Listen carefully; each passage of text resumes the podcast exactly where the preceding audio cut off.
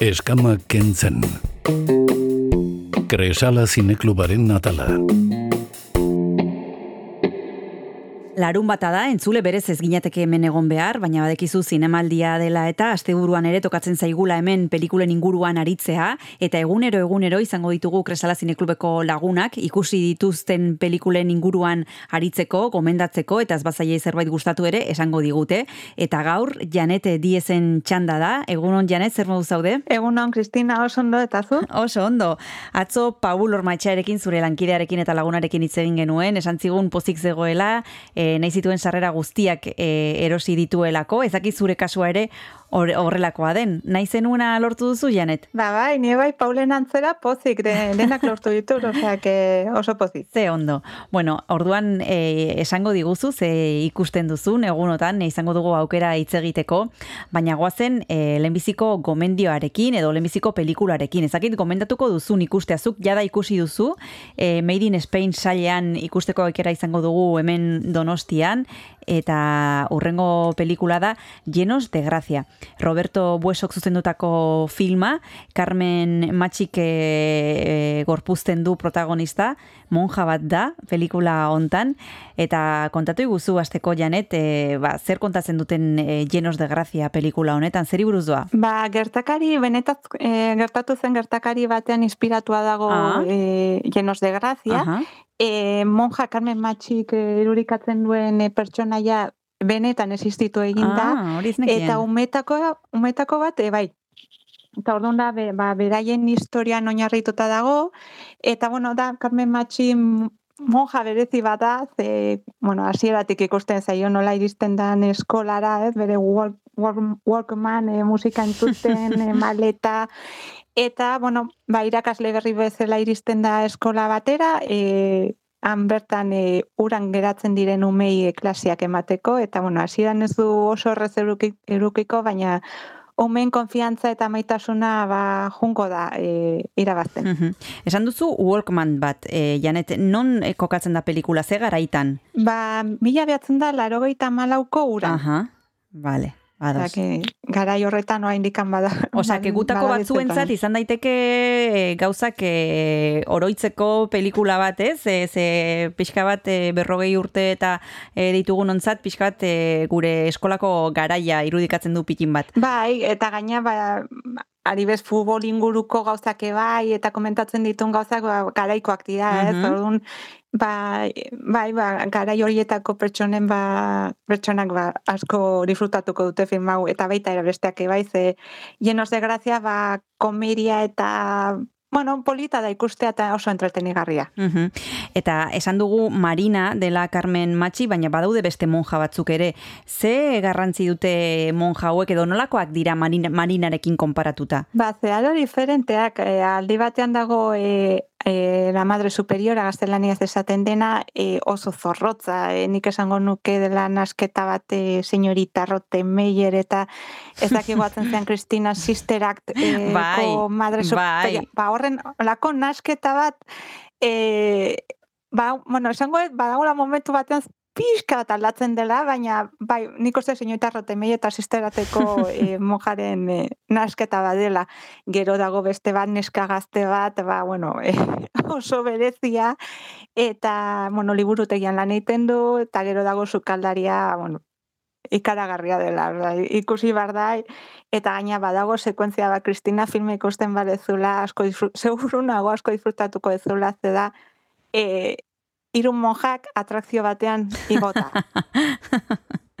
Bai, Ezen hori ez da galdu behar, oso, oso, oso Ba, ikusiko dugu, esan bezala zinemaldian ikusteko aukera izango dugu. Tarte bat hartu behar dugu, Janet, eta horretarako badekizu abesti bat eskatu behar dizu dala, eta nik ezakit tarte zer pentsatu duzun, zer partekatu dezakegu entzulekin. Ba, lehen aipatu ez sisterak, bai? eta egia da, e, pelikule momentu batzutan neri behintza sisterateko filma burua etorri zitzairala, orduan e, film horretako musika bat aukeratu ez. Primeran, bagoazen entzutera. You know you make me wanna kick my heels up and throw my hands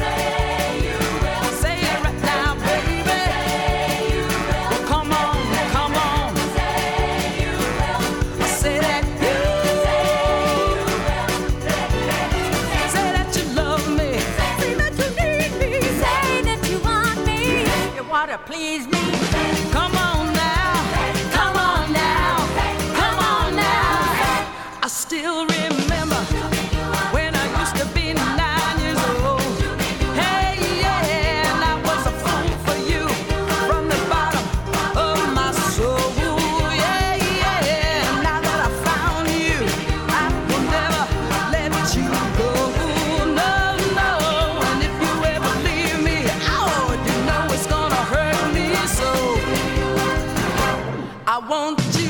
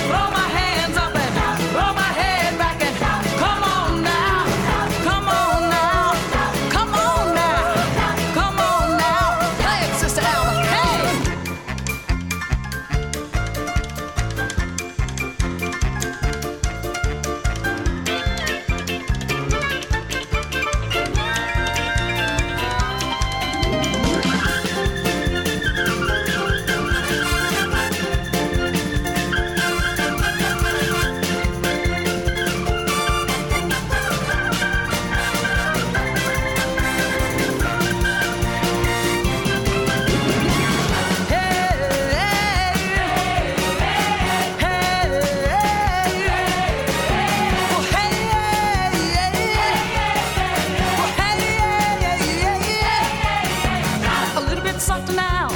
A little bit softer now. A little bit softer now. A little bit softer now. Very quiet, girls. Take it easy. A little bit softer now.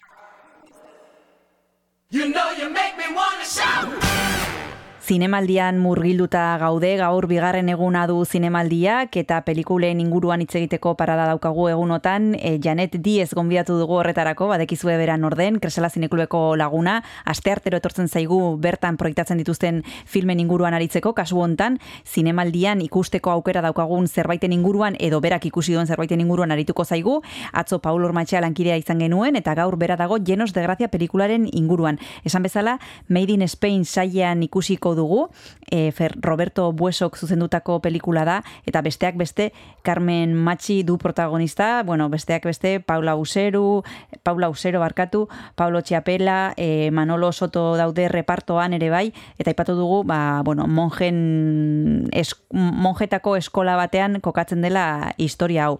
E, aurrak eta, e, claro, Carmen Machi ikusten dugu, eta, bueno, ba, aktore puska da, e, beste pelikula batzuetan asko ikusi izan dugu, baina aurrak daudenean tartean janet, e, hor batzutan zalantza izaten dugu. Aurrak ongi daude ere bai? Bai, bai, oso ondo daude, gaina bak, e, ume bakoitza daka bere momentua eta oso ondo ikusten da nola taldean ze, ba, zerrola ez, jokatzen du ume bakoitzak.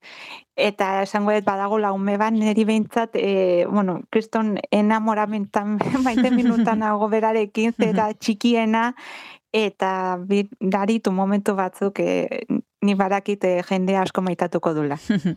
Bueno, orduan azken finean, Janet, e, gomendagarria pelikula hau zure ustez, e, e, komertzialegia, e, zeinentzat, e, zu zeini esango zinioke pelikula hau ikusteko? Ba, nik uste eh, guztiontzako e, guztiok ikusi beharko genuke filma da, gaina e, lehen esan dugun bezala ba, gertakari, ero, bueno, pertsonaie, benetazko pertsonaien e, inguruan e, oinarrituta dago, eta Eta nik uste denontzako filma dela, gaina mezu oso e, gonkorra eta oso polita du, e, nola ba, e, denetarik atea ezakegun, ez? Er, erori egiten gea, baina txatu egin bar gea, ez? Eta nik uste e, denontzako Mhm. filma da. Bai, hau aukera izan genuen e, zinemetan, zinema arruntetan ikusteko, norbaitek ez balu ikusi, garaian, bere garaian, ba, berriz errekuperatzeko aukera dauka.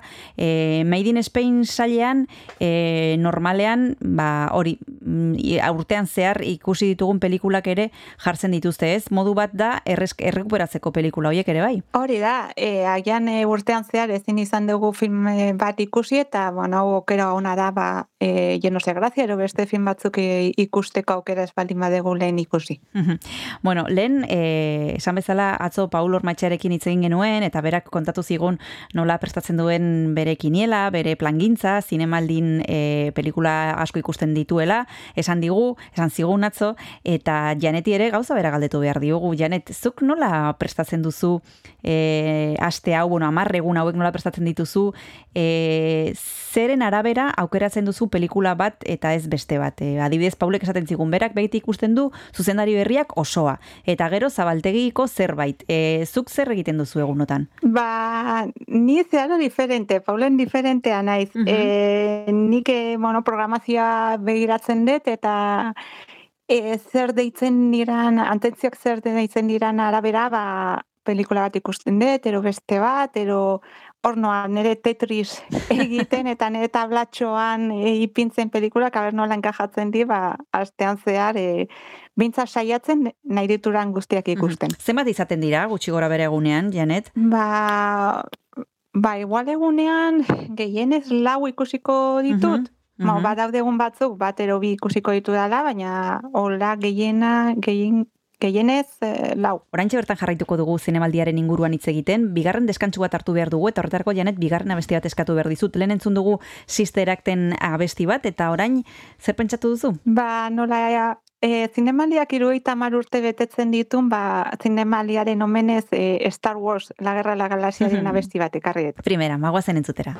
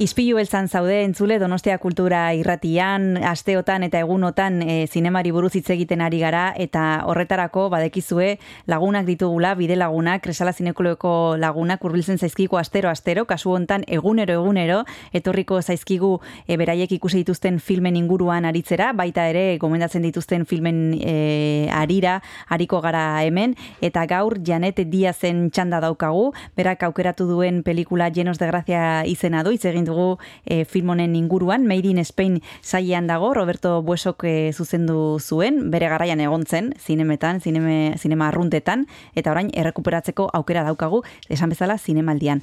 Esplikatu duzu, Janet, e, zein den zure funtzionamendua egunotan, nola erabakitzen duzun e, ba, ze pelikulatara joatea, eta zeinetara ez, e, nik ezakit, e, laugarrena ikusten duzunean, edo bosgarrena ikustean, ja burua, mm, buruak ongi funtzionatzen duen oraindik ere. Zea, bai, jarraian hainbeste gauza ikusi ondoren, e, ez dakit e, nola sartzen den ba hori laugarren pelikula edo bosgarren pelikula. Ba, batzutan ez du on, oso ondo funtzionatzen burua, esan beharko da, e, gehien bat azkeneko egunetan, ja hor ja nekean abaritzen den momentuetan, ja e, behiak bai hasten diela pixkat saioetan izten, Baina, bueno, e, ni behintzat ba, bai egiara notak hartzen diturala, eta behintzat badaukate lako registro bat ikusten dituan filmak, eta gero, bueno, ba, kresalako kirekin izaiten nuranean, ba, beti etortzen zairat burura ez, eta beti laguntzen didate zerbait gogoratzen.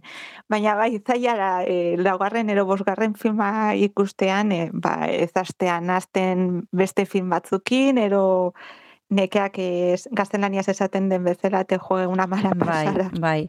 Aipatu dituzu kresalako lagunak, Janet, e, gustatzen zaizu besteekin komentatzea zer ikusi duzun, eno nahiago zuzuk bakarrikan pelikularen inguruan hausnartu eta pixkat lasaiago egin irakurketa, edo nahiago ezu konpartitu. Ba, biak gustatzen zaizkit, egiara, e, ba, e, zinemaldian zehar ez gehala inbesti ikusten, e, bintzat, e, kau, batzuk film bat ikusten nahi dira, beste batzuk besteak, orduan ez daukago hainbesteko aukera denok batea egoteko.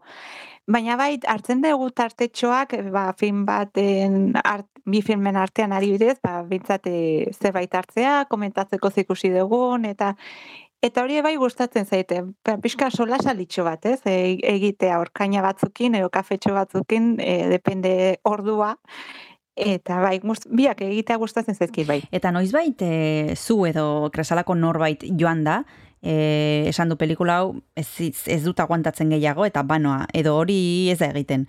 Ba, nik ustet, e, ni hain printzipioz ez dakit nerekirek alako zerbait egin duten. Egia da, ni, e, ni behintzat, e, ba, ikusi ez film bat, eta aguantatu de bukaeraino, eta zaitez ez gustatu, baina behintzat, aguantatu de bukaeraino. Nire kideak ez galdera ona da Kristina berai egiteko.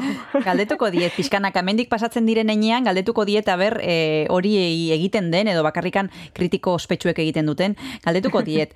bueno, eskerrik asko, Janet, e, kontatzeagatik nola den zure zinemaldia, nola prestatzen duzun, eta batez ere gomendatzeagatik ekarri duzun pelikula, llenos de gracia, esan bezala Made in Spain sailean ikusteko aukera izango dugu egunotan, Carmen Matxik e, e, korpuzten du protagonista, monja bat, e, mila beratzireun dala larogeita malauan mala. e, kokatzen da filma eta eskola batean umeak daude eta bueno, esan diguzunaren arabera gomendagarria familia osoarentzat e, izango dugu zure berri egunotan eskerrik asko eta ongi pasa zinemaldian. Mi esker, zue bai, Kristina. Agur. Agur. Eskama kentzen. Kresala zineklubaren atala.